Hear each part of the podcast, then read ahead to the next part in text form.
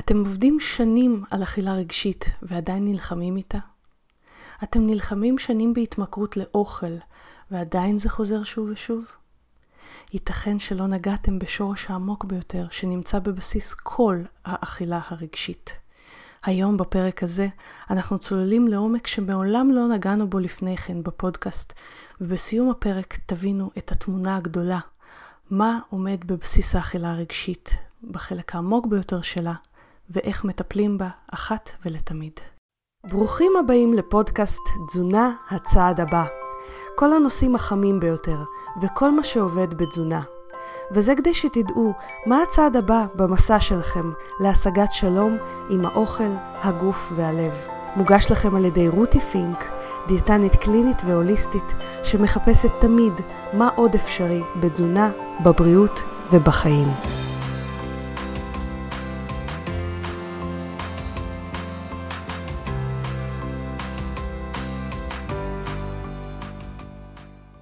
היי חברים, אני מקווה שאתם בטוב.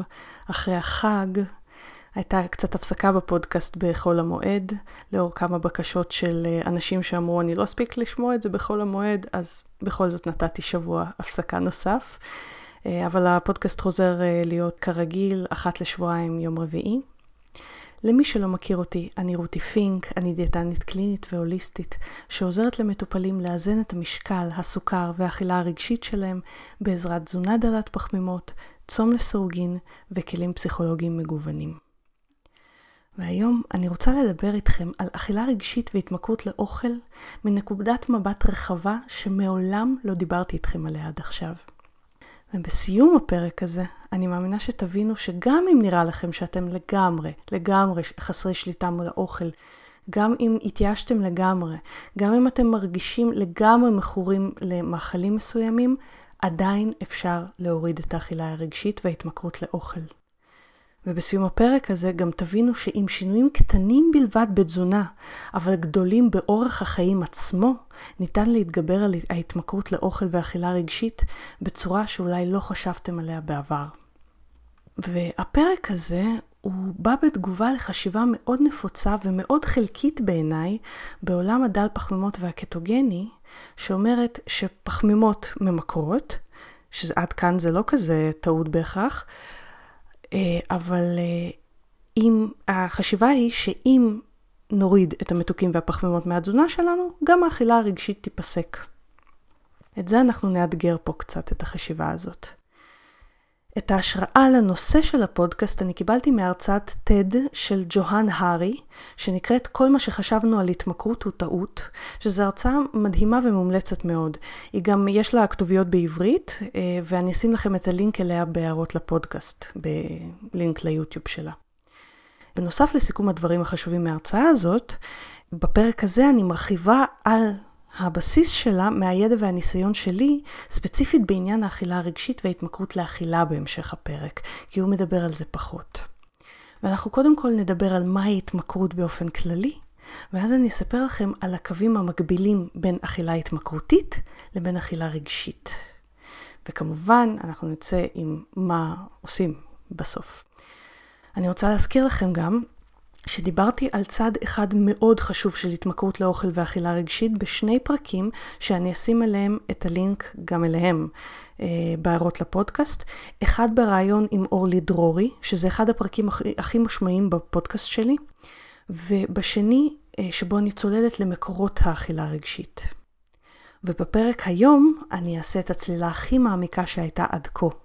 אז כל מה שדיברתי עליו בפרקים הקודמים רלוונטי לגמרי, כי זה רבדים שונים של אותו הדבר. פשוט היום אני אדבר על המקור העמוק ביותר. זה כאילו חשפנו עוד טפח ועוד טפח, כמו בצל כזה, של התמכרות לאוכל ואכילה רגשית, עד שהגענו לשורש הגולמי ביותר שעליו נדבר היום. אז, מהי התמכרות? מה חשבנו עד עכשיו על התמכרויות? אנחנו חושבים שהתמכרות היא שאם נשתמש במשהו לאורך זמן, נגיד בסוכר, נהיה מכורים לזה. חשבנו שחומר ממכר מפעיל את המוח שלנו בצורה שאין לנו ברירה אלא להגיב להתמכרות ולקחת עוד ממנו. שזה מין הרגל אוטומטי של המוח שמשתלט עלינו. אבל פרופסור ברוס אלכסנדר, פרופסור לפסיכולוגיה, הציע בשנות ה-70 תיאוריה מעניינת להתמכרות. התמכרות פיזיולוגית. לדבריו, הצורה שבה אנחנו חושבים על התמכרות היא מיושנת. פרופסור ברוס אמר שהמקור של הטעות שלנו נובע ממחקרים על התמכרויות שנעשו על חולדות בתחילת המאה ה-20. במחקרים האלה שמו חולדות בכלוב עם שני בקבוקים, בקבוק מים או בקבוק הרואין, שזה אחד הסמים הכי ממכרים שיש. והחולדות יכלו לבחור מאיפה לשתות. רוב החולדות במח... בתוצאות של המחקרים המיושנים העדיפו לשתות מהבקבוק של המים עם ההרואין ומתו בסוף משימוש במנת יתר. די עצוב. עכשיו, הפרופסור שם לב למשהו מעניין. הוא שם לב לכך שהחולדות בניסוי הזה היו בכלוב פשוט, שבו לחולדה לא היה יותר מדי מה לעשות חוץ מלצרוך את הסמים האלה. והפרופסור הזה, שנשמע שהיה אדם מאוד יצירתי, הוא הסתקרן, האם הניסוי הזה יביא את אותן התוצאות גם אם לחולדה יהיה טונה של דברים נחמדים לעשות, דברים שחולדות אוהבות. והוא בנה כלוב שהוא קרא לו פארק חולדות, שהוא היה סוג של פארק שעשועים וכיף לחולדות. היו שם כדורים, מנהרות, היה שם אוכל שחולדות אוהבות, ולא פחות חשוב מזה, לחולדות בכלובים האלה היו גם הרבה חברים בכלוב, שאיתן יכלו להיות במערכות יחסים של חולדות, גם להזדווג ככל שהן רצו. ובכלובים האלה הוא שם את אותם בקבוקי המים, או מים או מים עם הרואין. ונחשוב מה קרה בפארק החולדות. רוב החולדות כמעט לא נגעו במים המסוממים, ושתו מהמים הפשוטים. החולדות אשכרה לא התמכרו לסם הסופר ממכר הזה. יותר מזה, גם אלה ששתו מהמים המסוממים, אף אחת מהן לא השתמשה במים האלה באופן כפייתי, ואף אחת לא הגיעה למנת יתר. הגענו מכמעט 100% של מנות יתר בחולדות מבודדות, שהסביבה שלהן קשה להן, לכמעט 0% התמכרות בחולדות שטוב להן בחיים. אבל רגע, אולי זה רק בחולדות. אולי אי אפשר להשליך את זה על בני אדם? יותר מזה, מי יסכים לניסוי כזה על בני אדם? אז החדשות הטובות שניסוי כזה בדיוק לא יתקיים בבני אדם ולא יתקיים, אני מקווה, כי ועדות האתיקה של הניסויים בבני אדם יפסלו אותו. יחד עם זאת, ניסוי תצפיתי כזה כן יתקיים. ניסוי תצפיתי זה כשהחוקרים מסתכלים על משהו שקרה בחיים בלי קשר לניסוי, בלי לגרום לניסוי, אבל אוספים את הנתונים ומשווים לאנשים ש... לאיזושהי קבוצת ביקורת, שוב, בחיים עצמם. והניסוי התצפיתי התקיים בנושא במלחמת וייטנאם של ארצות הברית, גם בשנות ה-70. במלחמה הזו, סביב 20% מהחיילים השתמשו בהרואין בכמויות גבוהות, בזמן שהם היו במערכה עצמה, בווייטנאם. הם היו אמורים להיות, לפי השימוש שלהם, לגמרי מכורים, לפי הכמויות והתדירות שבהם השתמשו בהרואין, וממש אה, הם השתמשו כמו נרקומנים מהשורה. ואותם חיילים שהיה ידוע עליהם שהשתמשו בהרבה אירועים, עקבו אחריהם כשהם חזרו הביתה מהמלחמה, כי הם בארצות הברית ממש אה, חששו שהולך להיות גל של נרקומנים, וחשבו איך אנחנו נעשה התערבויות וזה, אבל בתור התחלה עקבו אחריהם. והתוצאות היו מפתיעות לגמרי. במקום שהחיילים ימשיכו להשתמש בסמים האלה, או יחוו תסמיני גמילה, 95% מהם פשוט הפסיקו להשתמש בהרואין עם החזרה שלהם הביתה לארצות הברית מווייטנאם. פשוט הפסיקו. הם היו אמורים להיות מכורים, לחוות תסמיני גמילה. המוח שלהם היה אמור להיות לגמרי משועבד לסם הממכר הזה עם חזרתם, אבל זה לא קרה. הם פשוט שמטו את הסם הזה כאילו היה גרב שלא צריך אותו, וחזרו לחיות את חייהם. מעניין. ופרופסור ברוס אלכסנדר שאל את השאלה שבעיניי היא גאונית ומתחברת ישירות לאכילה הרגשית שלנו. הוא שאל, מה אם ההתמכרות לא קשורה לשעבוד כימי של החומר למוח, אלא לכלוב שאנחנו נמצאים בו? או במילים אחרות, מה אם ההתמכרות קשורה בהתאמת הסביבה שלנו לצרכים שלנו, ולא להתמכרות הכימית עצמה? ואפילו יותר מזה, מה אם ההתמכרות קשורה ליכולת שלנו לחיות בסביבה שלנו, לשאת את הסביבה שלנו ולהיות בטוב בסביבה שלנו. פרופסור פיטר כהן, פרופסור אחר, הוא פרופסור לסוציולוגיה, שאל שאלה עוד יותר מהפכנית. מה אם במקום לקרוא לזה התמכרות, אנחנו צריכים לקרוא לזה התקשרות? כי לבני אדם, וזה משהו שהוא די ידוע ונחקר ונבדק בפסיכולוגיה, לבני אדם יש צורך מולד להיקשר. תינוק נקשר לדמות המטפלת שלו בתור התחלה. ופרופסור כהן מציע שמה שאחרים קוראים לו התמכרות, קורה כשאין לנו יכולת להיקשר לאנשים סביבנו, לחיים שלנו, לתחושת המשמעות שלנו, לרגע הנוכחי שלנו. ומה עם התמכרות למאכלים מסוימים, או אכילה רגשית, קורים כשאנחנו מחפשים למה כן להיקשר בחיים שקשה לנו לשאת? ובסופו של דבר, מה עם היכולת שלנו להיקשר למה שקורה עכשיו, ברגע הזה, לא משנה מה קורה בו, הוא המפתח להפסקת ההתמכרות והאכילה הרגשית. ומה זה אומר על אורח החיים שלנו בכלל? הרי תמיד אומרים על משהו, זה לא דיאטה, זה אורח חיים. והסיסמה הזאת הפכה להיות מה זה שחוקה בעיניי, כי אנשים לא מבינים איזה שינוי נחוץ באורח החיים ובחשיבה על החיים, על מנת ששינוי אכילה יפסיק להיות דיאטה ואשכרה יהפוך להיות אורח חיים. כי מהי דיאטה? דיאטה זה כשאנחנו מחליטים שמשהו מותר, משהו אסור, בין אם זה מאכלים מסוימים, או שעות אכילה מסוימות, או כמויות מסוימות. בדיאטה אנחנו צריכים להפעיל בחירות, יכולת שליטה ויכולת תעדוף כשאנחנו עובדים לפי השיטה הזאת. זה לא מעט דרישות מעצמנו, וזה דורש מלא משאבים רגשיים. אני דיברתי בפרק הקודם, אה, פרק 42, על חשיבות המשאבים הרגשיים בטיפול באכילה רגשית, ואני גם שמה לינק אליו בהערות לפודקאסט. אז דיאטה זה משהו שדורש ים במשאבים רגשיים. וכשקשה לנו להתחבר ולהיקשר לחיים שלנו באותו רגע, לעבודה שלנו, למערכות יחסים שלנו, ווטאבר, כמו למשל כשהחיים שונים ממה שציפיתי, או כשאני לא מצליח ליצור כרגע קשרים משמעותיים, או כשאני לא מחובר באותו רגע למי שאני באמת, או כשאני לא מחובר לרגשות ולמחשבות שלי, או כשאני שופט את עצמי לעומת ציפיות מסוימות ולא מחובר ומקושר למה שאני באמת ומקבל את זה. זה לוקח כל כך הרבה כוחות נפש, שלא נשאר לנו כוחות נפש לכל השליטה שדיאטה דורשת.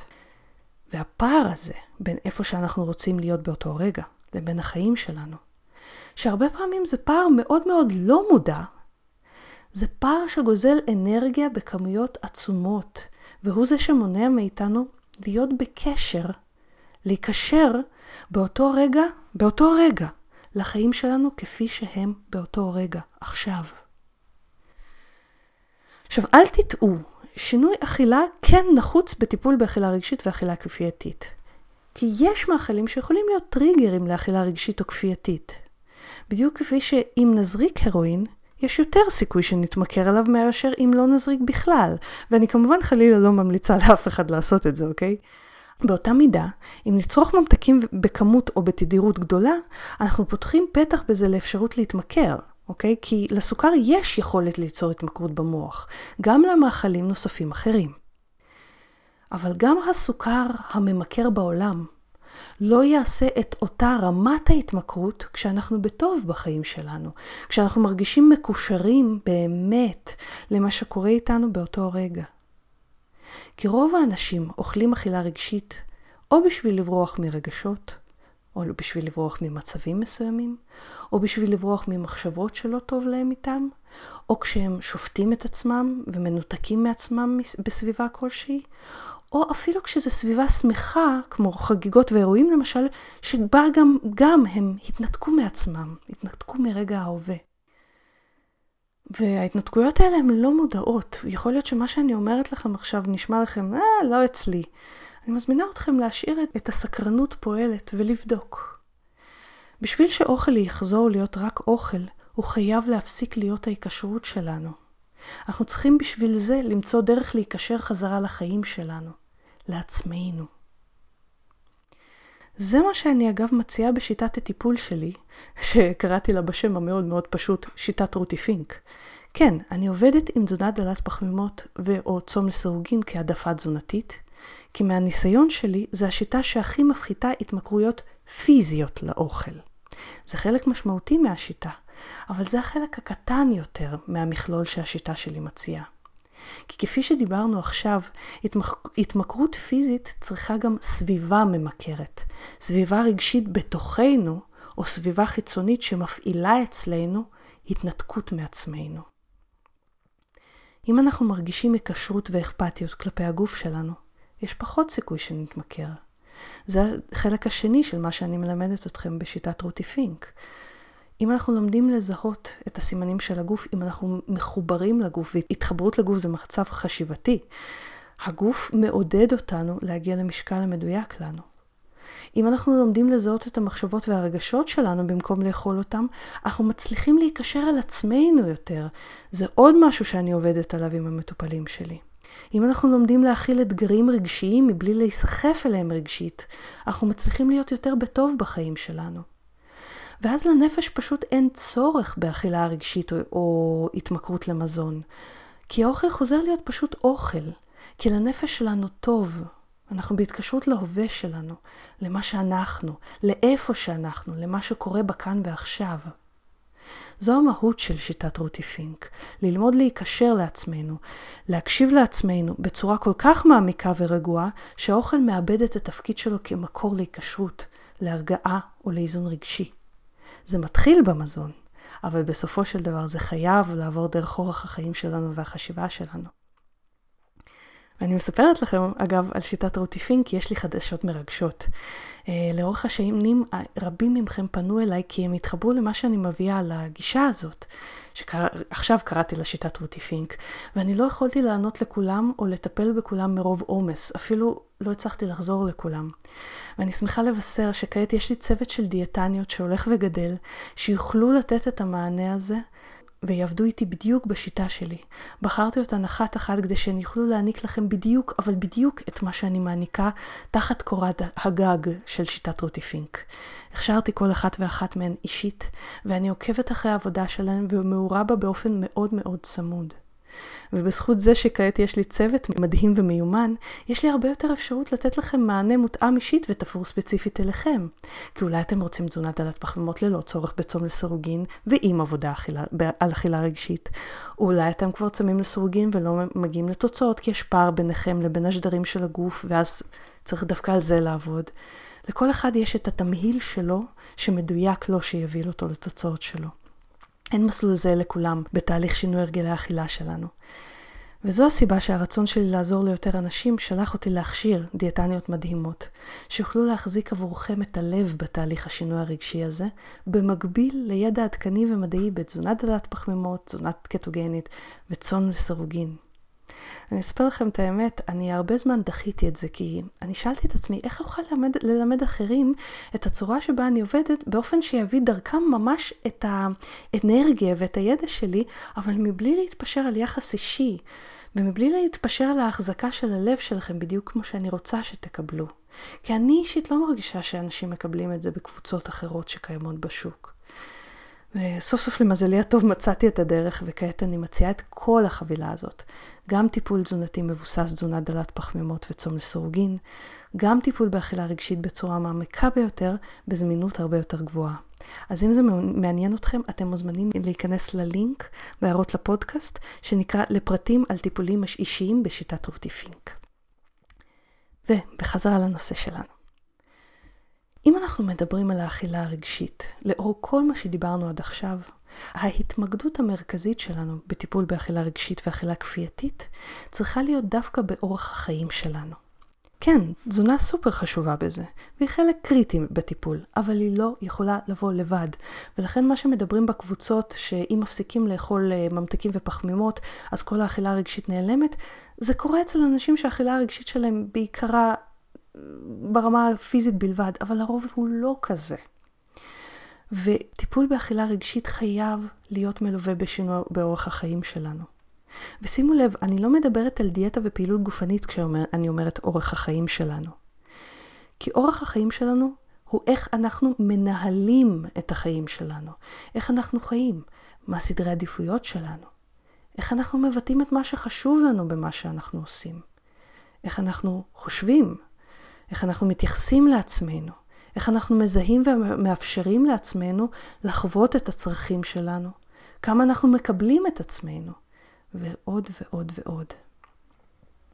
ואולי בשלב הזה אתם חווים תחושה כאילו שזה כבד מדי. אולי קיוויתם לאיזה טיפ משנה נקודת מבט שיגרום לכם להפסיק עם הדיאטה ושהאכילה רגשית תיפתר בבת אחת. ואני חייבת להודות שלחלק מהאנשים שאוכלים לפי צום לסירוגין או תזונה דלת פחמות, ובמיוחד תזונה קטוגנית, זה אכן קורה, מעצם השינוי התזונתי בלבד. כי משהו מספיק משתנה בכימיה של המוח אצל אותם אנשים, כדי שהאכילה הרגשית והאכילה הכפייתית פשוט יירגעו לגמרי לבד. אבל האנשים האלה, שאצלם זה לגמרי לגמרי נרגע לבד, לא עד כדי כך רבים כפי שנהוג לחשוב בקבוצות. הם מאוד קולניים, אבל הם לא רבים בקבוצות. וכן, שתי הטקטיקות האלה, תזונה דלת פחמימות וצאן לסירוגין, יכולות לגמרי להשפיע לטובה על רקמת המוח, כי הן מגבירות את כמות הקטונים במוח, שזה דלק במוח, מעודדות גורמי גדילה מיטיבה במוח, שזה אומר קשרים מיטיבים, קשרים טובים יותר, תחזוקה טובה יותר של סינפסות ונוירונים, וזה משהו שכנראה יש לו הרבה יותר השפעה פסיכיאטרית מאשר הוכח עד היום. רצים כיום למשל הרבה מחקרים שמתמקדים בהשפעות הפסיכיאטריות של תזונה קטוגנית על אה, אה, ביפולר, אה, על סכיזופרניה. כי היא מגבירה קטונים במוח. אני מתכננת לכם בעזרת השם פרק בנושא הזה בעתיד. וגם צום לסירוגין מגביר קטונים במוח בפרוטוקולים מסוימים. אז כן, הקלה באכילה רגשית ואכילה כפייתית זה משהו שגם אני רואה בקליניקה בסוגי התזונה האלה, אפילו בלי שינוי אחר של אורח החיים. אבל לרוב אנשים חווים הקלה באכילה רגשית או כפייתית בסוגי התזונה האלה, אבל לא היפטרות מלאה של זה. למה? כי אם אנחנו לא חיים את החיים שלנו בתחושה של חיבור לעצמנו, היקשרות לעצמנו, אם אנחנו לא חיים ביושרה עם הערכים שלנו, אם אנחנו לא חיים בקשרים חברתיים משמעותיים ולב פתוח כלפי עצמנו וסביבתנו, אנחנו נמשיך לחפש היחברות והיקשרות לדברים אחרים. וזה יהיה אכילה רגשית או כפייתית, זה יהיה בולמוסי אכילה, וזה יהיה דברים אחרים כמו התמכרות למסכים או חומרים ממכרים נוספים. ואולי עולה לכם השאלה הבאה בראש, רותי, מה את אומרת בעצם? שאני צריך או צריכה לשנות את כל החיים שלי בשביל כולה לרדת כמה קילו או להוריד קצת את הסוכר? והתשובה שלי היא כן ולא. כן, צריך לשנות גם את החשיבה כדי להצליח להחזיק את השינוי הזה לאורך זמן, מבלי להפוך אותו למלחמה אינסופית. זה בדיוק מה שאני והצוות שלי בשיטת רותי פינק מתמחות בו, בליצור אצל המטופלים שלנו. אבל האם צריך לשנות את כל החיים? לא תמיד. כי יש דברים שתלויים בנו, ויש דברים שלא תלויים בנו. למשל, אני אימא לשני ילדים, יחסית קטנים. אני לא אזרוק אותם מהחלון כדי להתחיל להיות יותר בתשומת לב לכמה אני זקוקה למשל למנוחה או לזמן לעצמי, וכמה אני אוכלת מתוך תסכול או עייפות, נכון? זה לא אופציה. אז לא את כל החיים צריך לשנות. ולמעשה, אני לא מעודדת אתכם לשנות שום דבר שאתם לא מרגישים שאתם צריכים או רוצים לשנות. ובואו, גם באמת לא כל דבר בחיים שלנו תלוי בנו ואפשר לשנות אותו. אבל אם יש משהו שתלוי תמיד בנו, ללא קשר לנסיבות החיים שלנו, זה איך אנחנו רואים את המציאות שלנו, מה הפילטרים שאנחנו שמים עליה, איך אנחנו רואים את האכילה שלנו, באיזה משקפיים אנחנו מסתכלים על האוכל שלנו. מה שתלוי בנו זה מה הסיפורים והפילטרים שדרכם אנחנו מספרים את הסיפורים על המציאות. כי מציאות היא מה שהיא. איך אנחנו מגיבים עליה תלוי בסיפורים שאנחנו דרכם מפרשים אותה. אם יש בתוכנו פילטר לא מודע שאומר לנו למשל, אם אעשה את מה שאני באמת רוצה, אני אפסיד את העבודה שיש לי כרגע וזה מסוכן לי, אז זה ייצור לנו חוסר סיפוק בעבודה הקיימת. יהיה שם פער בין מה שאנחנו באמת רוצים לעשות לבין מה שאנחנו עושים בפועל.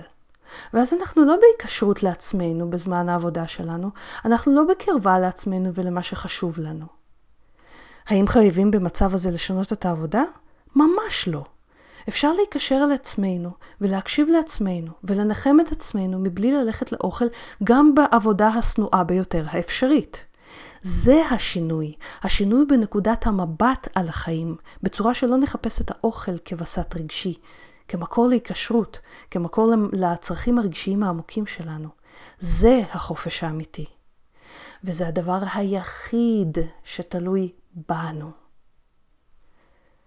אבל בזמן שזה תלוי בנו, חלק מזה מנוהל בתוכנו בצורה כל כך לא מודעת על ידינו, כי אנחנו לא תמיד נעצור לשאול את עצמנו אם אנחנו בטוב. תכלס, בואו נהיה כנים. כמה פעמים עצרתם במהלך היום האחרון ושאלתם את עצמכם את השאלה הבאה, מה שלומי, אישה יקרה? או מה שלומי, איש יקר? זו שאלה של להתקרב פנימה אל עצמנו ולבדוק מה שלומנו. לפגוש את האדם היקר לנו ביותר בעולם, אנחנו. וכשאנחנו מתחילים לשאול את עצמנו את השאלות האלה, לפעמים אנחנו מגלים שאנחנו חיים כל כך רחוק ממה שבאמת טוב לנו, שדווקא זה שולח אותנו לאכילה, כדי להתנחם, כדי לפצות על הפער הזה בין איפה שאנחנו לבין איפה שאנחנו רוצים להיות. ואז, במקום הזה, עזרה מבחוץ על ידי איש מקצוע שמיומן בטיפול מהסוג הזה באכילה רגשית, שמיומן בלהחזיק לכם את הלב ולעזור לכם לחבר את עצמכם חזרה פנימה, להיקשר חזרה לעצמכם ולערכים שלכם. טיפול כזה יכול לעשות את ההבדל בין שנים של אכילה רגשית וכישלון בדיאטות, לבין החזרת האוכל להיות פשוט אוכל, והחזרת השלום לאכילה, לגוף וללב. ואם אתם בכל זאת מעדיפים לנסות לבד, הטיפ שאני מזמינה אתכם להישאר איתו הוא לבדוק את עולם המיינדפולנס. יש לי פרק שלם על המיינדפולנס ככלי לאכילה רגשית, לטיפול באכילה רגשית וירידה במשקל, אה, שבו אני מדברת על מחקרים שנעשו בנושא, ואני שמה לכם לינק אליו גם בהערות לפודקאסט. כשאנחנו מתרגלים מיינדפולנס, אנחנו חוזרים אל עצמנו, אנחנו בודקים מה שלומי, טוב לי, לא טוב לי, נוח לי, לא נוח לי. מה קורה? מה אני מרגיש? מה אני חש? אנחנו יוצרים מחדש את ההיקשרות הזאת שאיבדנו אל עצמנו. אנחנו חווים ומתרגלים את המפגש האינטימי עם האדם החשוב ביותר שניקשר אליו, האדם היחיד שיפסיק עבורנו את האכילה הרגשית לתמיד. אנחנו. וזה כל מה שאנחנו זקוקים לו. לא ככה? אז אני מקווה שנהניתם מהפודקאסט היום. אם אתם רוצים להיות בקשר או לשלוח שאלות לפודקאסט, אתם ממש מוזמנים לבקר באתר של הפודקאסט rutifink.com, פינק כמו F כמו פנטזיה, rutifink.com/פודקאסט. אתם גם מוזמנים לחפש אותי ביוטיוב, יש לי ערוץ מלא בסרטונים על תזונה דלת פחמימות וצום לסירוגין, פשוט חפשו רותי פינק ביוטיוב. יש לי גם ערוץ באינסטגרם, פשוט חפשו רותי פינק באנגלית, שוב F כמו פנטזיה. אתם ממש מוזמנים לעקוב אחריי גם בפייסבוק. אתם יכולים לחפש אותי פשוט בעברית, רותי פינק, או להיכנס לאחת משתי הקבוצות שאני מנהלת, דלי פחמימות ישראל, והקבוצה צום לסירוגין עם רותי פינק. ואנחנו נשתמע שבוע הבא. תודה שהקשבתם לפודקאסט תזונה הצעד הבא. אני מקווה שנהניתם. חשוב להדגיש שהמידע בפודקאסט מוענק לצורכי העשרה בלבד, והפודקאסט לא מהווה בשום צורה תחליף לייעוץ או טיפול אישי. בכל בעיה רפואית או נפשית יש לפנות למטפל מוסמך. ואנחנו ניפגש בעוד שבועיים.